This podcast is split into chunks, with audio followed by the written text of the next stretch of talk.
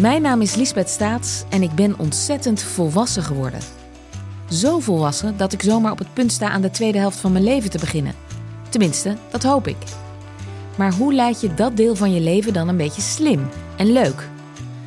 Dat vraag ik in de podcast Lang zal ze leven aan vrouwen die daar al zijn. Die dat terrein al helemaal hebben verkend en inmiddels uit een enorm reservoir aan wijsheid kunnen tappen. Ik praat onder andere met Annemarie Oster, Petra Lasseur, Annemarie Jortsma en Tineke de Nooi in Lang zal ze leven.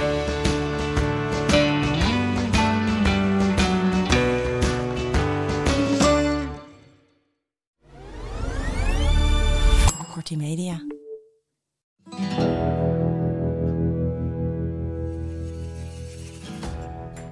We zijn toen ja, naar de huisarts gegaan om, om het medisch dossier van Matt hebben op te vragen. En Hoe onze kwam je daarbij? Hoe Nou, kwam zag een bord huisarts. Ik zei, nou ja, dit lijkt me, dit lijkt me een plek waar Matt misschien ook wel heen gaat. Nederland moet weten wat hij mankeert. Dit is Gonzo, de podcast waarin we praten met journalisten over dat ene verhaal in hun carrière dat ze altijd is bijgebleven. Dat kan zijn omdat het een scoop was, omdat het opzienbarend was, riskant, gelauwerd, hilarisch, ontroerend of onthullend. Of het was en is gewoon een goed verhaal. Mijn naam is Merel Westrik. Tegenover me zit Frans Lomans. Frans, één journalist, één verhaal. Onze eigen kleine journalistieke Hall of Fame. Aflevering 28 alweer. Ja, het is eh, ongelooflijk. Ja. Ja. En een echte Gonzo-gast. In Ja. dit geval toch, Ja, Frans? vind ik wel heel leuk. Maar deze keer was er ook een keus tussen, eh, weet ik veel, 3214 verhalen. Hè? Want zoveel heeft hij er plus minus geschreven, Dat is deze behoorlijk. gast. En daar waren er zeker 50 van geschikt.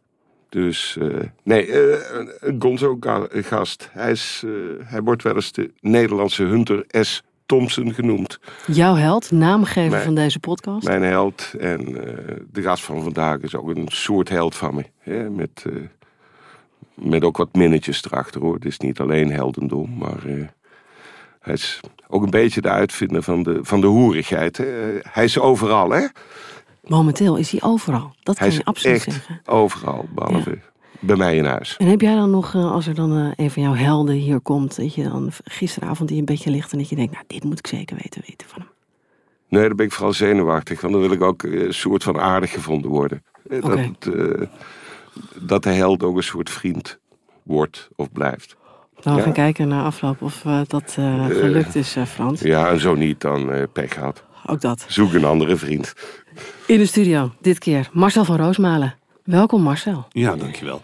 We beginnen altijd even met een eh, kort cv dat ik eh, eigenlijk nooit kort krijg. Eh, vergeef me op voorhand, ik heb vrijwel al je boeken weggelaten. Anders werd het echt lastig om het een beetje kort te houden. Je bent journalist, columnist, reportageschrijver, auteur, ook podcastmaker, talkshow-host. Je staat in het theater. Op dit moment ben je te zien in je eigen talkshow van Roosmalen en Groenteman, voorheen Media Insight. Je bent te horen in Weer een Dag, Radio Romano en bij de Nieuwsbv. En je bent te lezen in NRC. Met het stuk Zandweg 17 Wormer sta je binnenkort eh, samen met je vriendin Eva Hoeken in het theater. En na Totaal, toch nog een boek dan, met daarin je beste reportages, is nog niet zo lang geleden Totaal 2 uitgekomen. Een bundeling van je beste columns. Zo, Ja, ja, het is heel veel. Ik begrijp eh, die minnetjes wel, maar tegelijkertijd, ja, ik vind het toch leuk om meteen op in te gaan. Ik, ik ben dus juist heel trots op die minnetjes. Ik ben dus juist heel trots op de hoerigheid, noem jij dat. Maar daar ben ik dus juist, ik heb jarenlang tegen de klippen op reportages eh, eh, geschreven. En ik ben eigenlijk eh, heel tevreden dat ik er een verdienmodel aan gekoppeld heb. En toen ik ontdekte dat dat kon, ja, dan heb ik ook geen rem meer. Dan denk ik ook van ja, nou gaan we het ook helemaal, alles wat ongelezen is gebleven, gaan we helemaal opnieuw uitventen. Nee, dat vind ik ook wel goed hoor. de Frans die zegt dat hij vrienden wil maken en dan zo begint, Ja, begrijp dat is een heel raar begin. helemaal dat, niks eh, van. Het verhaal waar we het over gaan hebben eh, stamt uit je tijd eh, dat je redacteur was bij HP De Tijd. Eh, dat was je van 1998 tot 2004. Uit die tijd komt het eh, verhaal waar we het over gaan hebben. Toen we jou eh, vroegen om te komen praten over dat ene verhaal in je carrière dat je altijd is bijgebleven, wist je toen eigenlijk meteen welk verhaal dat moest zijn? Nee, want ik had meerdere verhalen eh, eh, die ik, eh, ja, die ik wel, waar ik wel wat over wilde vertellen.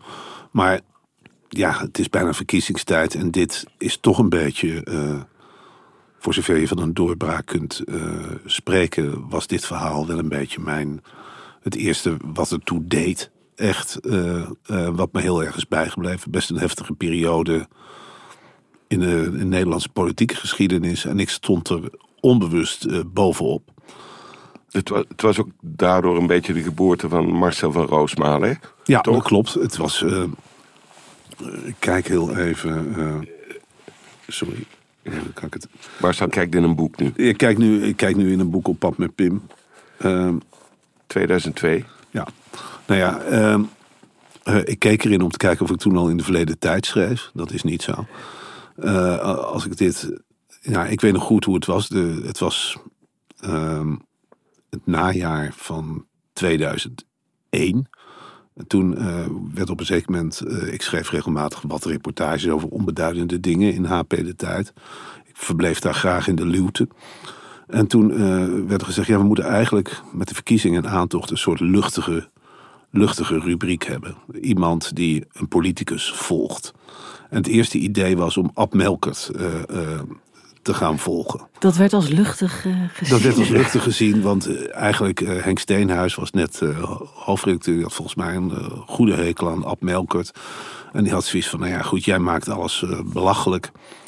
Ehm, ga jij nou achter Ab Melkert aan?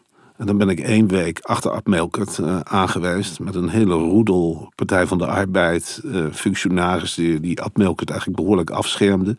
En ook een, uh, iemand van Vrij Nederland. Die tegelijkertijd, en dan ben ik de naam kwijt helaas. Maar die ook een, ik dacht nou ja dat ga ik helemaal nooit evenaren. Ik moet iets anders gaan doen. Iets. En toen kwam net de week erop uh, kwam Pim Fortuyn. Die stelde zich kandidaat bij uh, Leefbaar Nederland. Toen werd gepresenteerd. Toen dacht ik, ja, dat moet ik gaan doen. Ik moet gewoon Pim Fortuyn gaan volgen in de aanloop uh, naar de verkiezingen. En dat ben ik gaan doen met Martijn van der Grient, een vriend en fotograaf. En het was al een heel gepuzzel om erachter te komen wat Pim Fortuyn iedere week ging doen. Want hij kondigde nooit aan wat hij ging doen. En hij vond het bovendien, hij had een abonnement op HP de Tijd.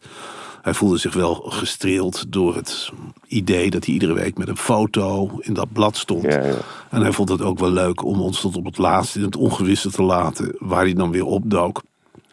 Dus we deden dat uh, graag en het werd gekker en gekker. En uh, um, hij werd uit die partij Leefbaar Nederland gezet. En toen hij zijn eigen partij begon, de LPF. Ja, toen was het een groot, één grote Efteling op een zeker moment uh, geworden. Het was gewoon een feestwinkel waar je iedere week wat uit kon plukken. En als je Pim zelf niet te pakken kreeg, want hij voelde zich ook snel was hij beledigd over een citaat of het uit, uit band, verband gerukt was, was er altijd wel iemand in zijn omgeving het hing van, van strebers uh, aan elkaar, die hele partij, die wel wat wilde zeggen. Dus het was ja, een snoepwinkel. Mij staat nog bij dat je hem een keer belde. Je had de opdracht gekregen van je hoofdredacteur. Vraag ook of je een keer mee eh, kunt rijden in zijn auto. Ja. Dus jij belde hem op. Hoe, hoe ging dat gesprek uh, toen? Uh, dat weet ik niet meer. Nee? Ik, ik, ik, heb het wel opgeschreven, maar ik heb het boek van tevoren nu niet meer uh, doorgelezen. Ik, uh, je belt hem op en je vraagt: uh, mag ik met je, een keer met je meerijden? Ja, natuurlijk, zegt hij, niet. natuurlijk niet. Natuurlijk niet. Ja. Oh, zei jij toen? Ja, oh, en dat heb ik dan opgeschreven. Ja. Want ik schreef alles op om maar om het aantal woorden te halen. Vooral ook de onbelangrijke dingen. Ja, want het verhaal, laat ik, laat ik het heel even samenvatten. Waar we het over gaan hebben. Uh, de reportages waar we het over gaan hebben, die zijn uh, gebundeld in het boekje De Pimmels. De apostelen van Pim Fortuyn. je hebt dan, dat vertelt je, vertel je net al, uh, eerder Pim Fortuyn gevolgd voor HP de tijd in aanloop naar de verkiezingen. Um, die reportages zijn gebundeld in het boek Op pad met Pim. Dan wordt hij vermoord. Um, en negen dagen later, op 6 mei wordt hij vermoord, 2002. Negen dagen later volgt, uh, volgen de verkiezingen. De LPF wint dan, ongekende zegen, 26 zetels. En jij zoekt dan een aantal uh, prominente LPF'ers die je eerder hebt ontmoet tijdens Op Pad met Pim weer op. En uh, het boek De Pimmels, de apostelen van Pim Fortuyn, begint eigenlijk met de verkiezingsavond in Hotel des Ende. Ja. Waar een hele ja, rare, dubbele sfeer hangt. Je- weet jij nog het moment dat jij in Hotel des Zende aankwam? Zeker, ik was met eh Stan de Jong, want dat verhaal hebben we eh, samen gekregen, eh, geschreven. En ik weet nog, we kwamen aanlopen, we hadden er alle twee wel zin in, in die verkiezingsavond. We wisten al wel van, nou, dit wordt, Wordt. dit wordt gek. En eh, we kwamen binnen in Hotel des Andes. En het eerste wat opviel was eh, Gerard Joling, die daar achter een grote witte vleugel zat. En het lied At Your Service eh, speelde. En voor de, voor de vleugel stonden een aantal mensen te salueren. Ja, dat, dan heb je me eigenlijk al, als, als dat gebeurt. En er was een ongekend aantal mensen gekozen in de Tweede Kamer. Mensen die daar helemaal niet op geprepareerd waren ook. Dus je had bijvoorbeeld Harm Wiersma. Die zat gewoon in een hoek te dammen, want hij was een bekende dammer. En ehm, eh, ehm, wist zich ook geen houding te geven. Allemaal mensen van wie we nog nooit gehoord hadden. En Winnie de Jong kwam bijvoorbeeld binnen. Nou, dat was een vrouw die had in de levensmiddelenindustrie gezeten. En was ook redelijk overspannen door die moord. Je moet je voorstellen, die mensen gingen wel echt door een snelweg. Maar waande zich ook misschien wel had het idee van zichzelf: misschien word ik wel minister-president, misschien word ik wel minister van Buitenlandse Zaken. Kan ik hier wel tegen? Dus de helft van de mensen. eh, Ja, eh, zij stond ook half hyperventilerend in een leren broek, hing ze daar rond. Eh, en, en zo waren er meer mensen. Matt Herbe eh, ja, was eigenlijk ook maar een simpele woordvoerder van Defensie. En was ook in één keer iemand. Ze hadden allemaal dezelfde stropdassen om. Het is, het is ook een geweldige, eh, geweldige foto. Eh, de machtsstrijd was eigenlijk, want zonder het enige wat die mensen samenbond was Pim Fortuyn.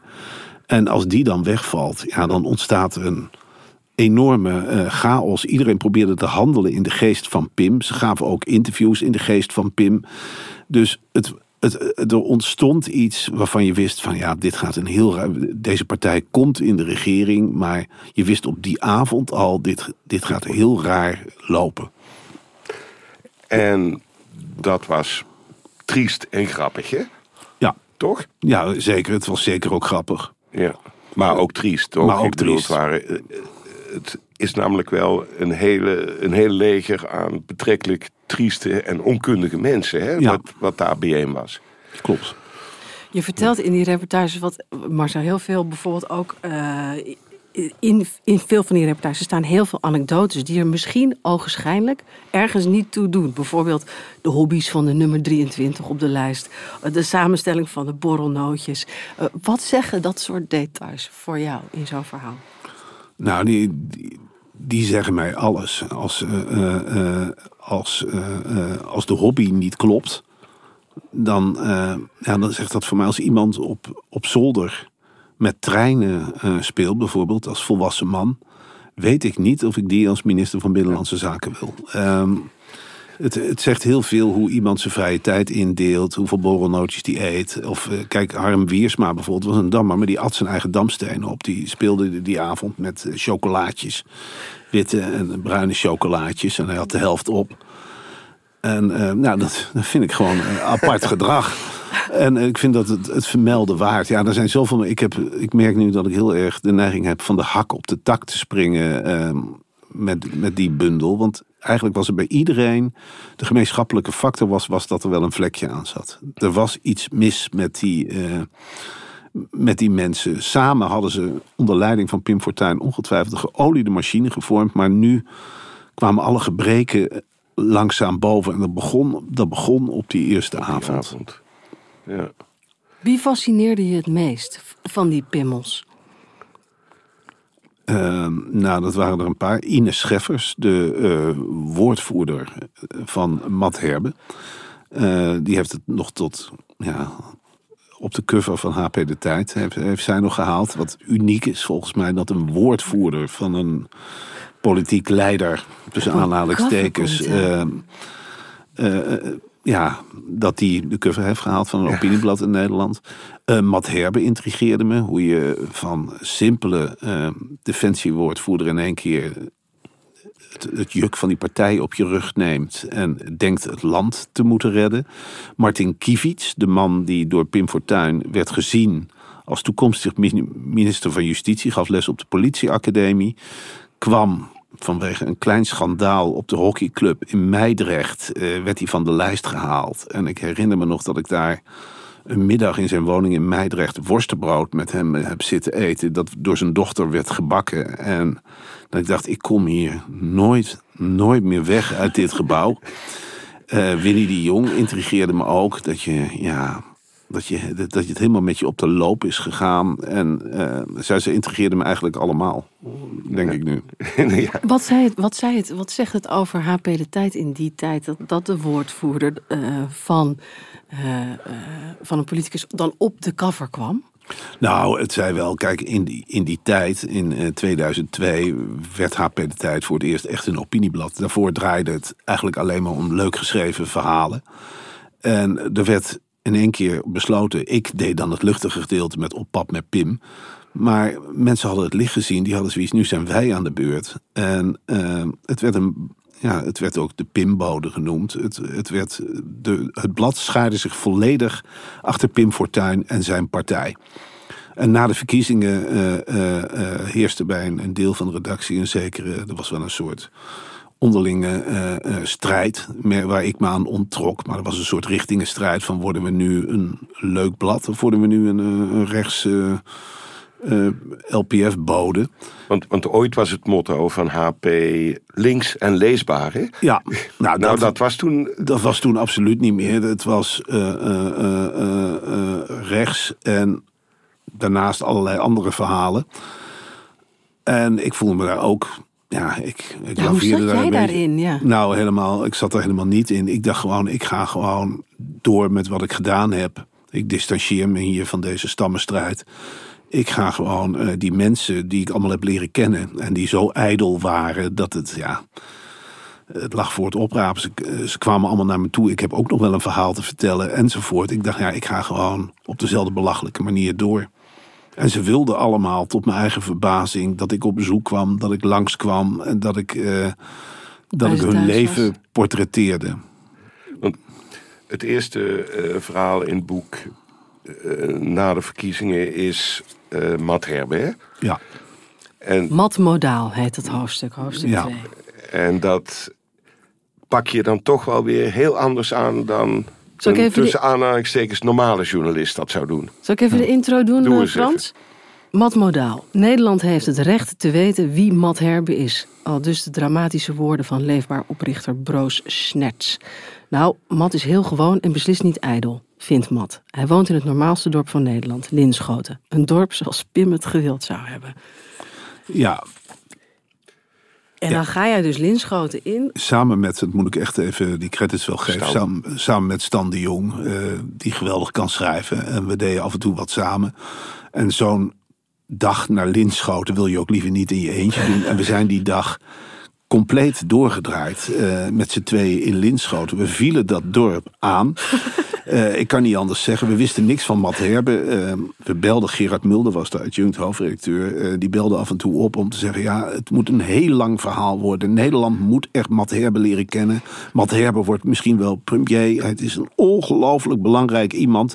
Jullie maken het definitieve portret van Matt Herbe. En ja, ik ben niet iemand die zich helemaal uh, van tevoren gaat rondbellen. En ik zei tegen Stan, we gaan gewoon dat dorp in.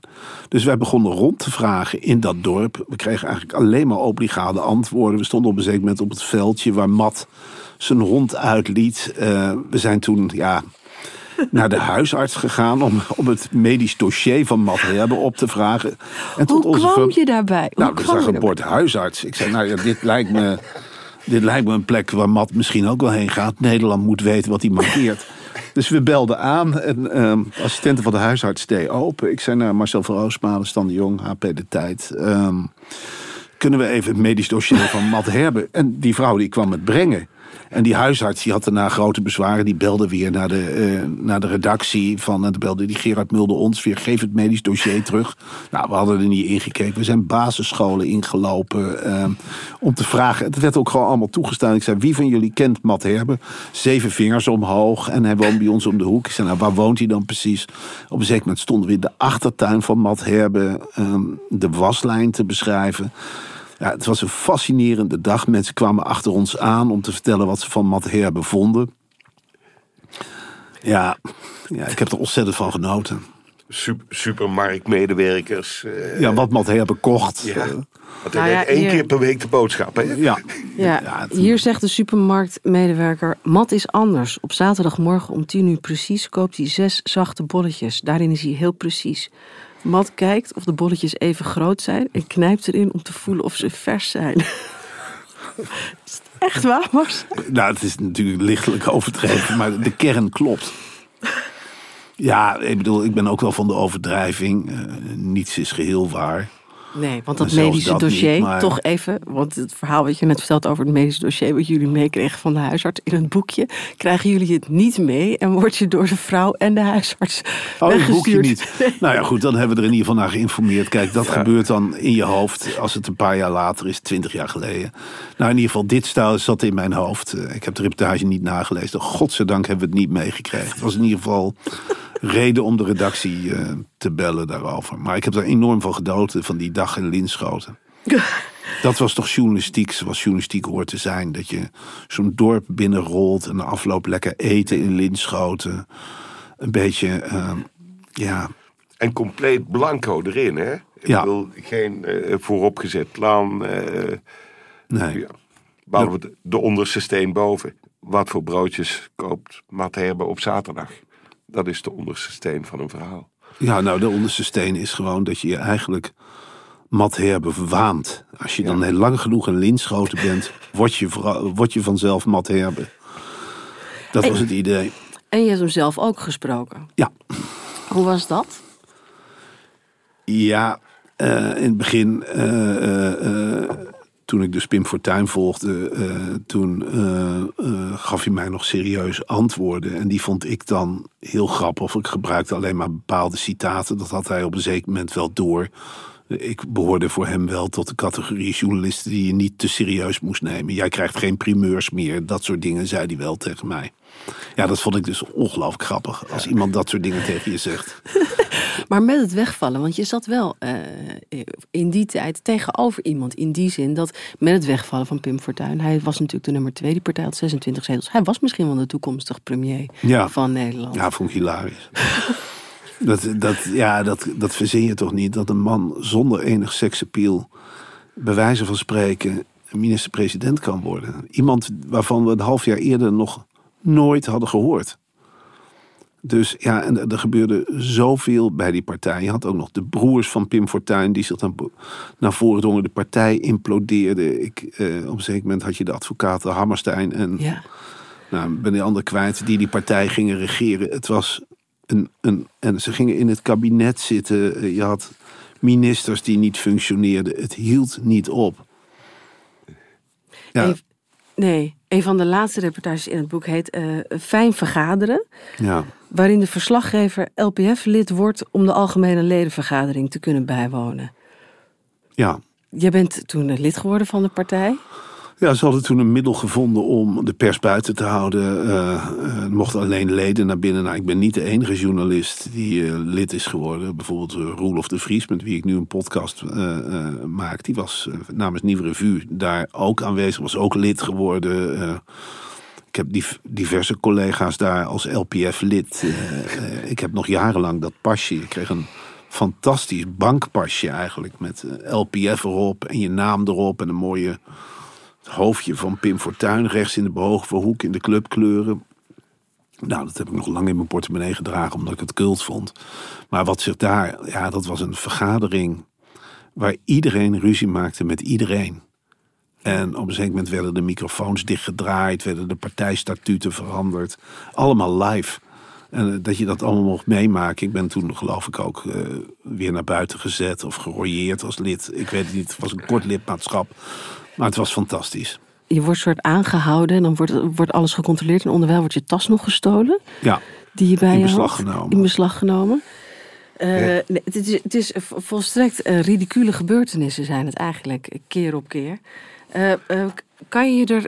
Je, je, gaat, je gaat en je hebt dat allemaal opgeschreven.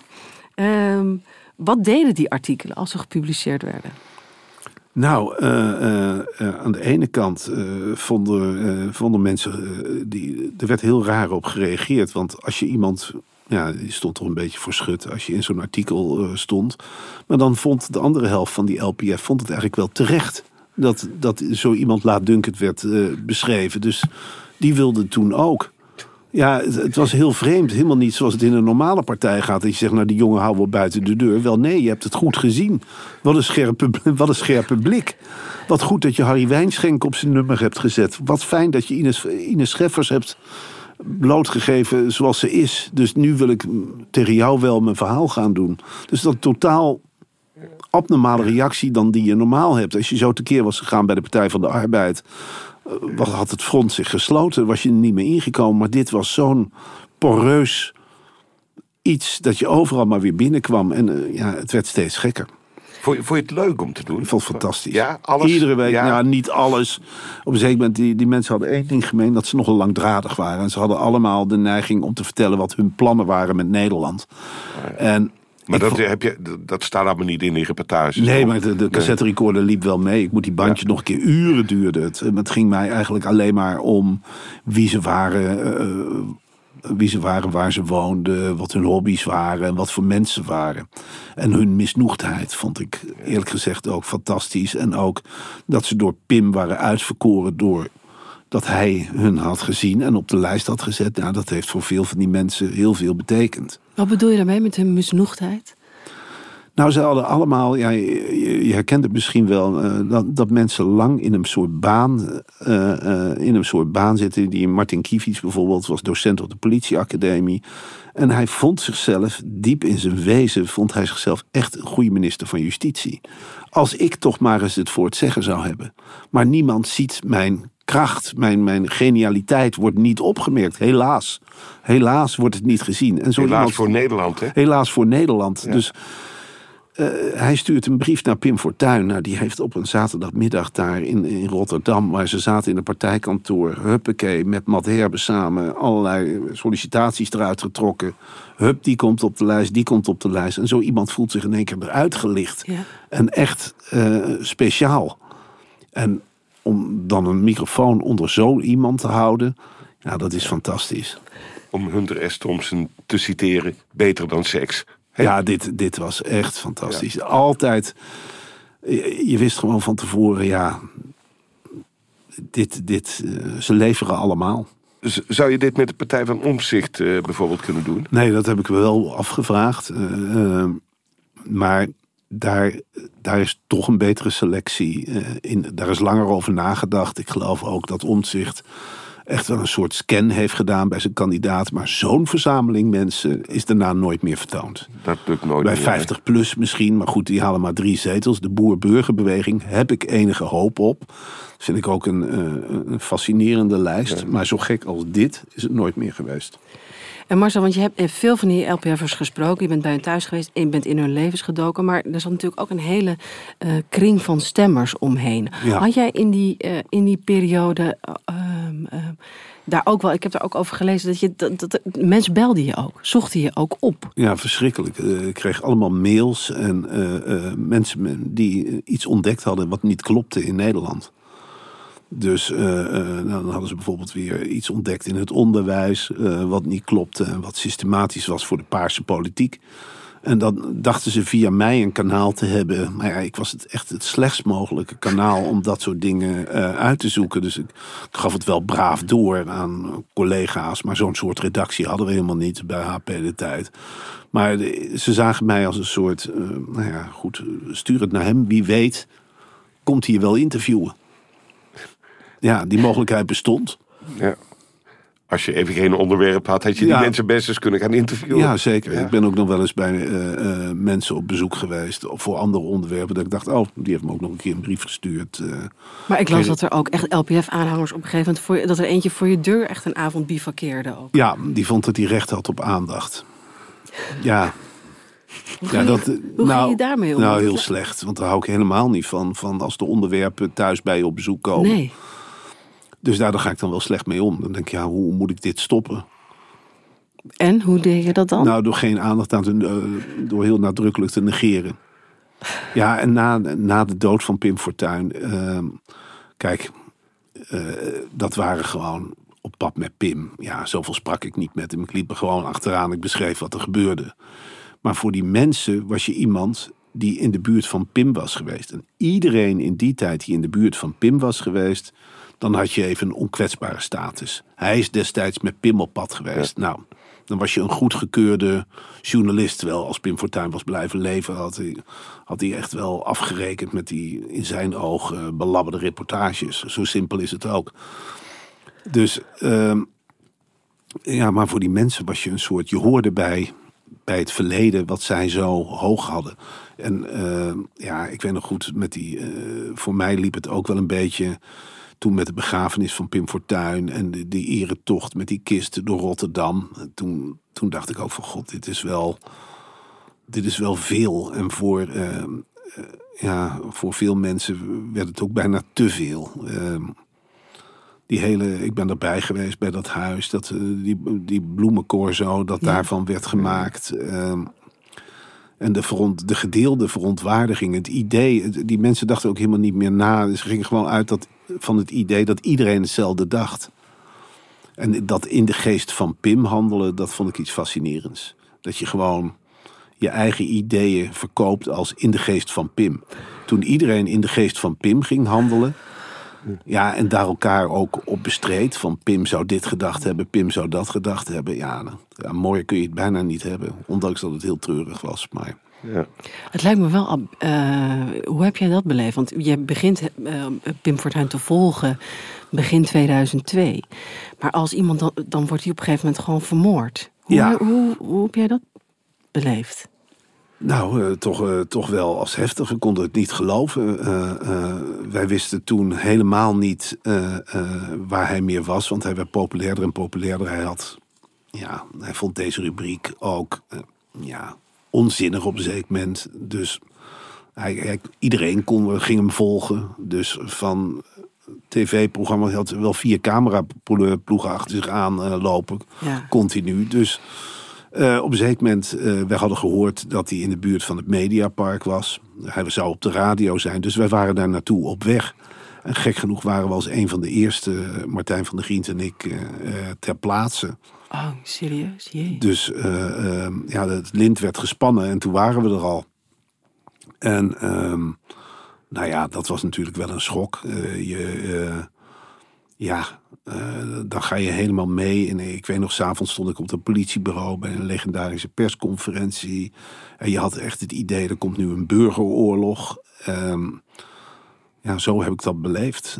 Ik werd in één keer ook geïnterviewd. Ik werd geïnterviewd door een eh, Spaans televisiestation, herinner ik me. Daar was ik ook helemaal niet op geprepareerd om een, een stuk duiding te geven.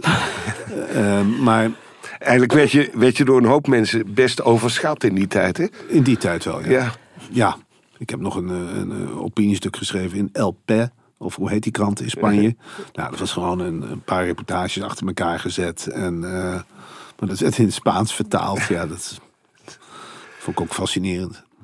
En hoe lang na die tijd heb je toen besloot je toen die, die LPF'ers weer op te zoeken? Weet je dat nog wel het eerste moment daarna? Ben je toen meteen de volgende Nou, ik wilde een tijdje. Ik dacht, nou, dan heb ik dit. Eh, dit, eh, dit laat ik verder even met uh, al de boosheid enzovoort. Een paar maanden niks gedaan. Maar toen. Ja, het Binnenhof werd nog bestormd. Het Binnenhof werd nog bestormd. En toen, uh, toen ging eigenlijk half HP de tijd. LPF-verhalen of Pim Fortuyn-verhalen schrijven. Oké, dus toen was het niet meer jouw... Ik, de, ik, ik, toen was het niet meer mijn onderwerp. Het was gewoon het grootste onderwerp wat er was. Het hele tijdschrift stond vol met alleen maar verhalen over het gedachtegoed van Pim. Ja. En toen dacht ik, ja, zo zit ik er ook weer niet helemaal in. Voor mij was het gewoon een onderwerp waarvan alles rondomheen gebeurde. Met ja, leuke reportages, maar ik ben niet van de vlammende opinieartikelen. En wat er met het land moet gebeuren en wat er met Ab Melkert moet gebeuren. En ik vond die kant dan eigenlijk stiekem ook wel interessant van hoe het dan, ja, hoe het dan nu met de Partij van de Arbeid ging en, en dat soort dingen. Maar toen, ja, ze drongen zich weer op en er bleek, bleef een ongelofelijke stroom uh, verzoeken komen van alsjeblieft schrijf op iets over de LPF. En ik dacht, ja, ik ken ze allemaal. Dus het is ook maar... Uh, ja. En die mensen hadden zelf ook wel misschien af en toe behoefte aan iets luchters. Tussen alles door. Hey, en toen je klaar was hè, met de LPF, met alle verhalen waren geschreven, alles was gezegd. Kwam je toen in een leegte terecht? Nou nee, want toen, toen dacht ik wel van, goh, dan moet ik een, eh, een, eh, iemand anders gaan. eh, toen dacht ik, had ik wel de reportage echt als vorm. En ik dacht ook van, nou toen ben ik nog Meili Vos gaan volgen bij haar eh, verkiezingscampagne voor de Europese verkiezingen, geloof ik. Dat Ja. zij lijsttrekker was. En PvdA toch? Partij van de Arbeid, ja. En toen ben ik daarna op pad gegaan met koningin Beatrix. Ook een jaar lang. En ja, dus was dat mijn... eh, Maar beter dan de LPF werd het niet, hè? Ik nou, bedoel, ik het leven. Het, leven, niet nee, per se jouw verhalen. eh, qua gekte is dit nooit meer overtroffen. Nee, hè? Nee, ik heb, ik nooit... Af en toe dacht je, god, dat waar... Ik hou wel van de overdrijving, maar als dat niet meer hoeft... Dat het zo gek is... eh, Ik weet nog dat ik bij Winnie de Jong op bezoek ging in een dijkwoning. Ik, ik heb de reportage niet nagelezen, dus ik vertel het nu uit mijn hoofd. Ze, ze lag ergens in een dijkwoning met haar eh, op een bank. In een leren broek, herinner ik me. En ze was aan uitputting, ze was aan zichzelf bezweken, aan de druk. En haar vriend, haar veel jongere vriend, was ook aanwezig in de ruimte. En die vertaalde eigenlijk voor haar hoe Winnie zich voelde.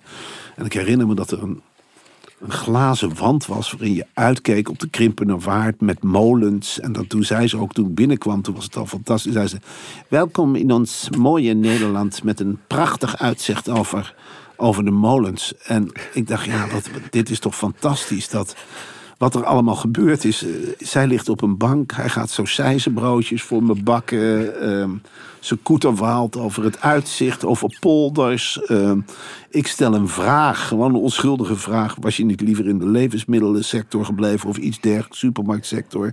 Ze barst bijna aan huilen uit, hij gaat haar troosten. Ik zit hier ook nog met een fotograaf, die moet er nog een foto van maken. Er moet een hoop gepoeierd worden. Het hield niet op. En ik dacht gewoon van, ja, wat fantastisch dat ik dit allemaal mag meemaken. En dat iedereen net doet alsof het normaal is. En dat dit soort journalistiek gewoon op covers van tijdschriften belandt. Dat geloof je toch gewoon niet. We geven nu mensen. Ja, we hebben mensen gekozen die misschien niet gekozen hadden moeten worden. Maar we geven ze ook buitenproportioneel veel aandacht. Ja, het, het was. Ja, mooier dan dat eh, wordt het nooit meer.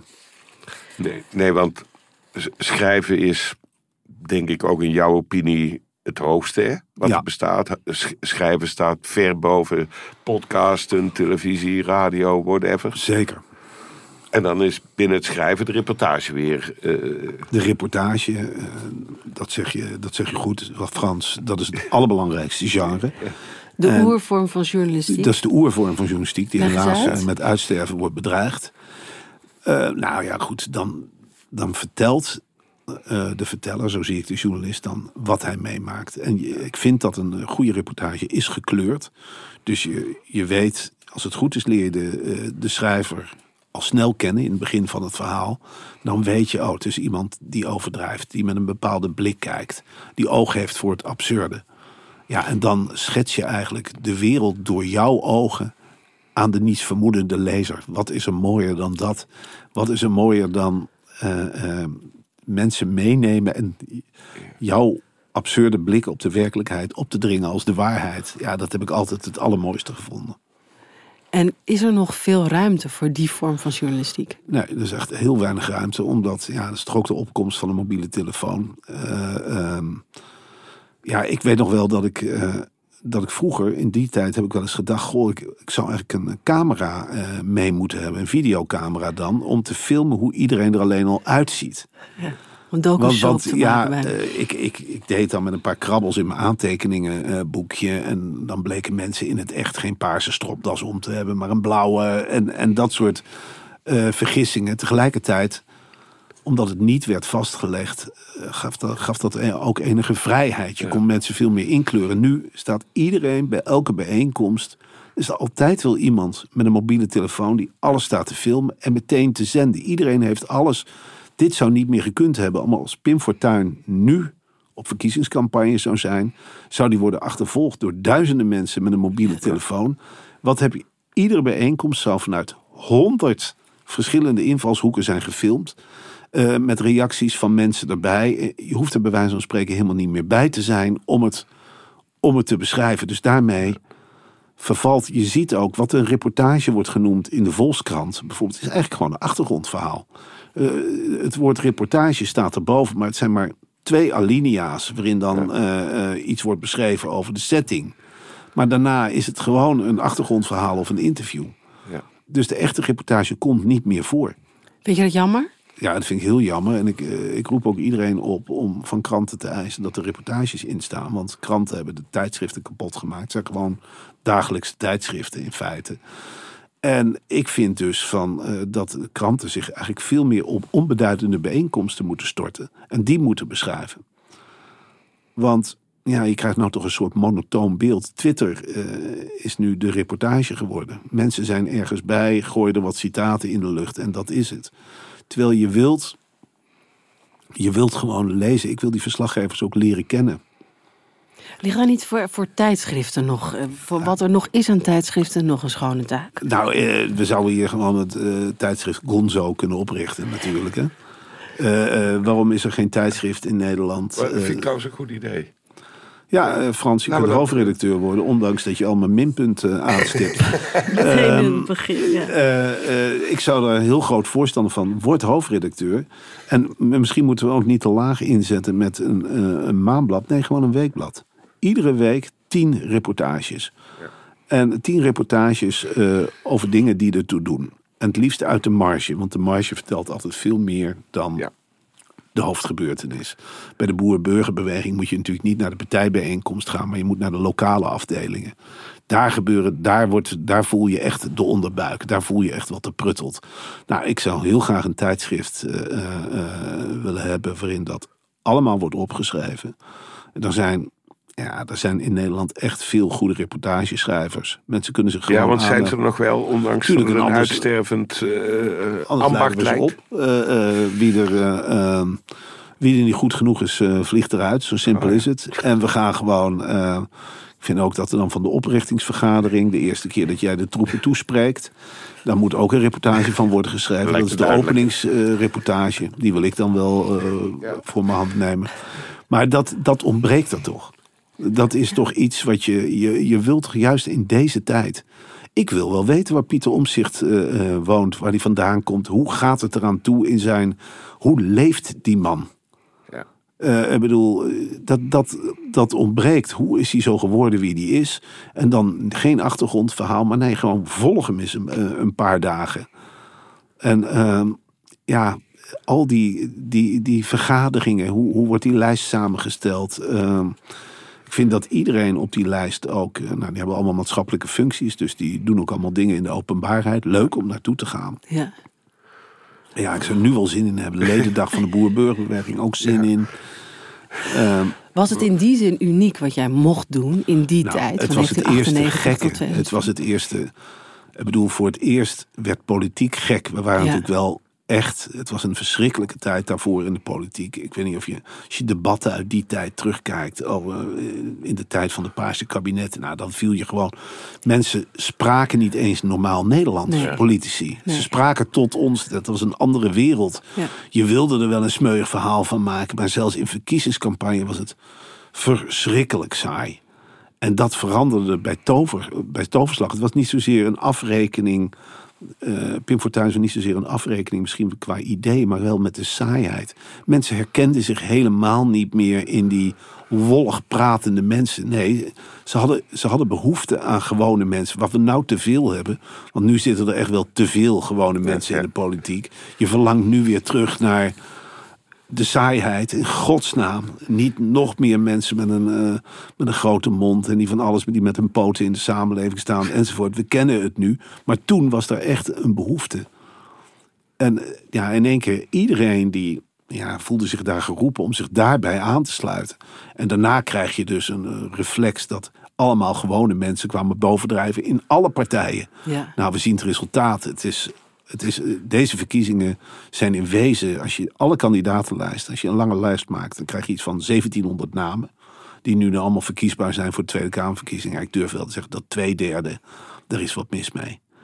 Dat is, eh, eh, we krijgen een hele gekke samenstelling straks in de Tweede Kamer. En toen was het beperkt tot één partij. Maar wat we nu zien, hier, vindt, hier ligt de oorsprong.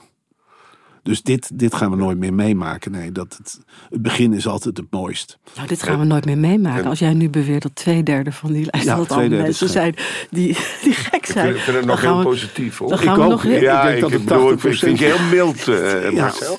we kunnen de lijsten er hierbij pakken. En we kunnen bij de grote partijen beginnen. D66 van de eerste tien. Ik denk dat er acht waarvan je denkt, nou, nou, moet dit in de Tweede Kamer? En dat is dan nog een normale partij. Denk je hier nog vaak aan terug, Marcel, aan deze periode? Nu denk ik eraan terug. Eh, ik vind het ook wel fascinerend wat ik zelf ben vergeten. Dus ik, ik, had, ik dacht, nou, ik ken dit boekje wel uit mijn hoofd. Maar jullie komen met details die ik zelf heb opgeschreven. En ik denk, nou, dat wist ik, dat wist ik gewoon niet meer. Ehm, Maar moet je er vaak aan denken als je nu momenteel eh, woordvoerders van partijen ziet of boven partijen soms. komen? Dat je eh, denkt, ach, maar eh, nu, nu ben ik wel gefocust op de huidige gekte. ja. En nou, ik ben blij dat ik dit heb meegemaakt. Maar het is niet zo dat ik er heel vaak... eh, Maar die huidige gekte staat in schril contrast met destijds. Lijkt mij. Zeker, ik geloof dat dit nu het gewenste antwoord is. Dat ik moet geven. Is inderdaad een schril contrast met oh ja, destijds. dat hoeft niet. Ben je eigenlijk eh, eh, eh, de pimmels nog wel eens tegengekomen? Nee, nee. eh, nou, ehm er, eh, ehm, hoe? Joost Eertmans. Joost Eertmans, die, die was destijds ook eh, aanwezig. Wel eens op dat partijbureau van eh, Pim Fortuyn. Die kwam stroopwafeltjes brengen en eh, dat soort dingen voor, voor Pim. Dus die zie je dan nog wel eens in de politiek. Maar er woont geen in Wormer. Nee. Nee, het is echt, je komt ze nooit meer tegen. De meeste zijn gewoon in de vergetelheid ge- geraakt, op een enkeling na. Ja. En wat die partij heeft voortgebracht is natuurlijk ook fantastisch. Nawijn. Ik weet niet of je nog herinnert. Heel Nawijn. Ik, ja, ik, kan- Ja. ik herinner hem nog wel. Wat Ja. doet hij tegenwoordig? Ik weet het niet. Iets in Zoetermeer, denk ik. Maar eh, Ik heb geen idee. Ik ga het googlen hierna. ja, je zou ze weer allemaal opnieuw op kunnen gaan zoeken. Ja, ik niet, maar Nee. iemand anders. Iemand anders. Misschien voor het tijdschrift Gonzo dan. Misschien voor het tijdschrift Gonzo. eh, Misschien. Ja, Twijfelgeval vind ik. ja. Oké. Ja? Jij gaat een opzetje schrijven voor het tijdschrift? Ik, eh, ik ga eens nadenken hierover. Want ik ben nu wel heel enthousiast hoor. ja, en bovendien, we zitten hier toch bij een uitgever. Klopt. Ja. het, is, eh, eh, ehm, het is eigenlijk een... een eh, als er maar een verdienmodel tegenover staat. En ik denk dat daar, ja, ik denk dat er wel markt voor is. Ik vind het een mooi idee. Marcel, dank je wel. Oh, het is al voorbij. Ja, graag gedaan. Het is, Ja, ik denk... ik had gehoopt dat ik er coherenter over zou kunnen vertellen. Maar het zijn te veel eh, herinneringen in één keer. Nee, dus dit- ik heb mijn best gedaan. Nee, ik vond het Hey. hartstikke mooi. Ik ook. Frans, eh, gaat het goed, Frans? Je zit te tranen. Gaat het goed? Ja, ik, eh, het is en van ontroering hè, over het verhaal. Nee, ik heb net een injectie in mijn oog gehad. Dat begint Ja. nu heel erg te tranen. Oké, ja, ik, ik heb... Oké, Godverdorie. Oké, Sorry. Nee, ik geloof het. Een injectie in je ogen, het is ook niet misselijk. absoluut niet. Nee. Nee. Marcel, dank voor Graag komst naar de WPG-studio's. Dit was Gonzo. Mijn naam is Merel Westrik. Tegenover zit Frans Lomans. Mocht je nou vragen hebben of suggesties, mail dan vooral naar gonzo.kortimedia.nl. Eh laat een recensie achter. Ook leuk. Dan is eh, Gonzo beter vindbaar voor andere luisteraars. Volgende week weer een goed verhaal. Tot dan. Tot dan.